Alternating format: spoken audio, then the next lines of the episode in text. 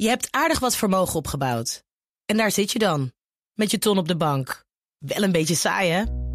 Wil jij, als belegger, onderdeel zijn van het verleden of van de toekomst? Bridgefund is een slimme fintech die een brug slaat tussen de financiële behoeften van ondernemers en van beleggers. Dus wie belegt bij Bridgefund krijgt niet alleen een mooie vaste rente, maar brengt ook ondernemers in beweging. Echt waar, met die ton kan je zoveel betere dingen doen. Bridgefund. Make money smile. In het Spaanse Granada, daar komen vandaag meer dan 40 uh, Europese regeringsleiders bij elkaar. Denk je, dat zijn er toch 27? Nee, dit is de Europese politieke gemeenschap. Dat is het gremium dat Emmanuel Macron destijds elkaar stak. Ja, om wat breder overleg te voeren. Ook met landen die nog geen lid zijn of nooit lid zullen worden van de Europese Unie. Turkije zit er onder meer bij. Daar zit Engeland bij. Nou, een aantal landen die uh, hun regeringsleiders ook afvaardigen. Trouwens, Erdogan zelf is er niet, geloof ik, die ziek. Maar uh, Oekraïne en veiligheid en duurzaamheid en klimaatverandering, alles staat op de agenda. Wat kunnen we daar verwachten? Bij ons buitenlandcommentator Bernard Hammelburg en Europa-verslaggever Geert-Jan Haan. Mannen, goedemorgen. Goedemorgen. Allereerst eventjes naar uh, Oekraïne, als het mag. Uh, Geert-Jan, want jij hebt er altijd een goede, goede, goede, goed zicht op. Wat is het laatste nieuws van vannacht? Nou, vannacht toch ook weer drone-aanvallen op Oekraïne. Uh, zeker 30 drones afgevuurd vanaf de Krim en de oostelijke kust van de zee van Azov. En Oekraïne zegt dat ze het merendeel hebben mee, neergehaald. Hm. Maar dat ze nog niet precies de schade in kaart hebben gebracht. Dus zou me niks verbazen als daar toch weer uh, iets over naar buiten komt. En met name boven de zuidelijke regio's zijn ze neergehaald. Dus dat is natuurlijk de plek waar de graantransporten plaatsvinden. Ja, ja precies. We horen ook vannacht een verhaal uit Amerika. Dat de Amerikanen wapens die ze uh, gepakt hebben, eigenlijk met een schip uh, wat onderweg was in Afrika, vanuit Iran.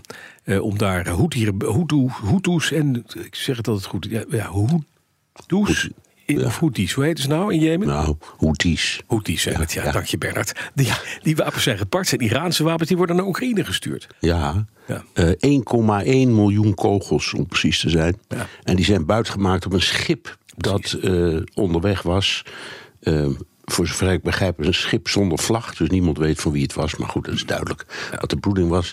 Dat was onderweg uh, met uh, Iraanse kogels. En die passen uitstekend in AK-47. Ja. De bekende Kalashnikovs die worden in elke oorlog, ook deze, zeer veel gebruikt. En 1,1 miljoen kogels, dat klinkt heel veel, maar die schiet je tamelijk snel weer weg. Ja. Maar het helpt in elk geval iets. Mm -hmm. En het heeft ook wel een mooie symboliek. Dus de Amerikanen ja. hebben gezegd: we hebben dat nu verbeurd verklaard en we geven het cadeau aan Oekraïne. Ja, daar hoorden we gisteren Rob Bauer al van het Militair Comité van de NAVO. Die zei: uh, munitietechnisch komt, uh, komt de, de, de, de bodem van de, van de munitiekist in zicht. dit geeft dan een heel klein beetje soelaas. Maar ja, er worden heel wat kogels afgevuurd in het, in het conflict. En 1,1 miljoen, daar doe je nou ineens een paar dagen mee, denk ik, Bernard. Ja, maar ja, ik weet het niet precies. Nee, ik ook niet. Het, het, is het, allemaal, het is natuurlijk allemaal uh, een beetje labwerk. En inderdaad, Bauer, die luidt de noodklok. En een paar dagen geleden heeft Austin, de Amerikaanse minister van uh, Defensie, dat ook gedaan. En die heeft gezegd: uh, uh, niet zozeer de voorraden zijn op. Jawel, die, die zijn voor een groot deel aan Oekraïne geschonken. Hè, dus eigen voor, dat wisten we van meet af aan al. Hè, mm -hmm. Dat ze hun eigen planken aan het leeghalen waren. maar daar, daar stond op de begroting een bedrag van iets van 25 miljard of zo.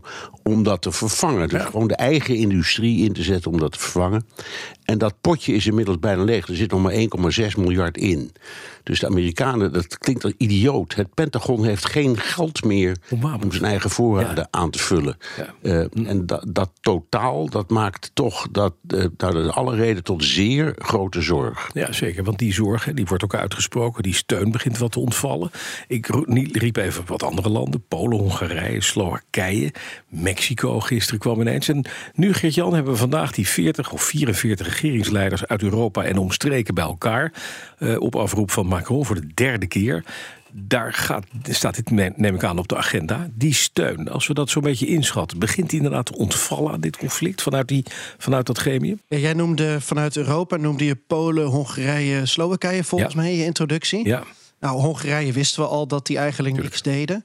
Um, en ik heb even gekeken naar de militaire steun op dit moment aan de Oekraïne. Nou, uh, Slowakije uh, heeft ook niet zoveel gegeven en heeft ook niet zoveel meer. Dus dat dat wegvalt is niet zo heel groot. Polen is wat substantiëler, want die zitten in de subtop van wat ze geven. Vergelijkbaar met Nederland trouwens. Wij geven dus ook tussen de 2,5 miljard euro en 3 miljard euro aan militaire waarde aan Oekraïne. Maar wat je dus denk ik gaat zien bij die top in Granada, en ik ben dus bij twee eerdere edities hiervan geweest, er zijn veel bilateraaltjes. Mensen gaan met elkaar koffie drinken. En Rutte, die zet zich hier hard voor in. Die is dan weer het ouderwetse Rutte-oliemannetje.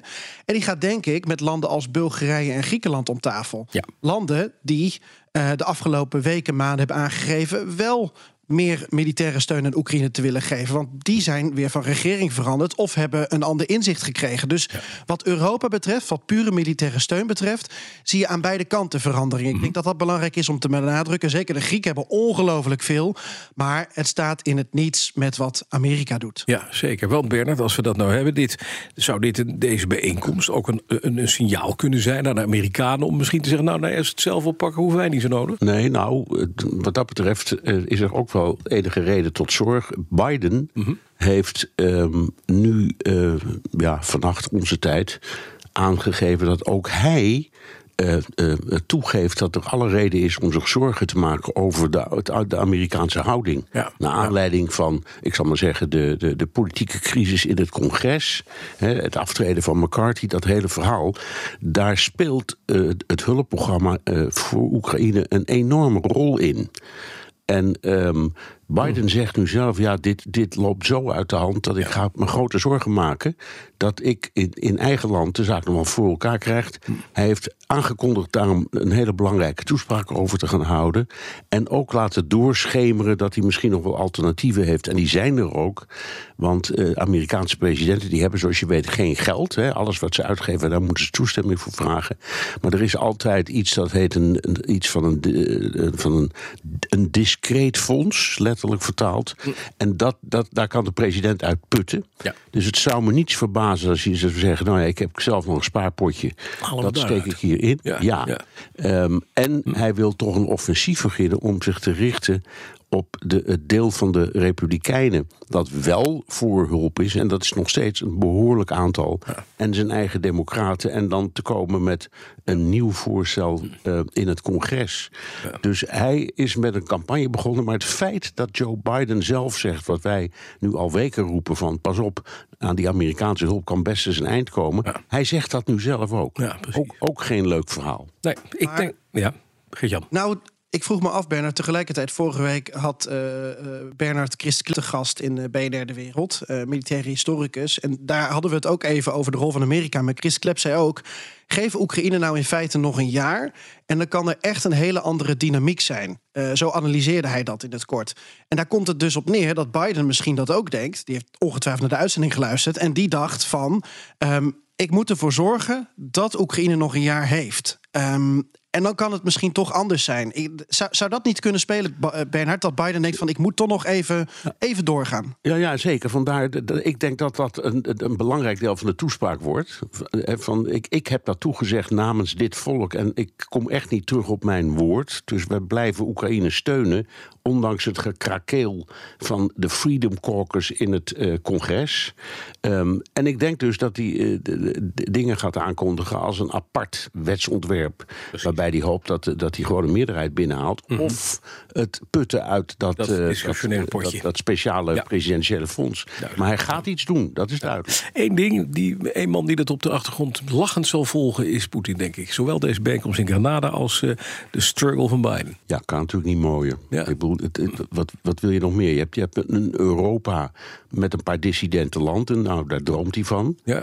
En je hebt het grote Amerika dat door zijn eigen parlement in feite in de grootste moeilijkheden wordt gebracht. Ja. Ja, dat, eh, dat, had, dat laatste, vooral dat laatste, dat had hij in zijn scenario nog niet eens. Niet meegenomen. Nee. Dank jullie wel. Buitenlandcommentator Bernard Hammelburg en Europa-verslaggever Geert-Jan Haan. Je hebt aardig wat vermogen opgebouwd. En daar zit je dan, met je ton op de bank. Wel een beetje saai, hè? Wil jij, als belegger, onderdeel zijn van het verleden of van de toekomst? Bridgefund is een slimme fintech die een brug slaat tussen de financiële behoeften van ondernemers en van beleggers. Dus wie belegt bij Bridgefund krijgt niet alleen een mooie vaste rente, maar brengt ook ondernemers in beweging. Echt waar, met die ton kan je zoveel betere dingen doen. Bridgefund. Make money smile.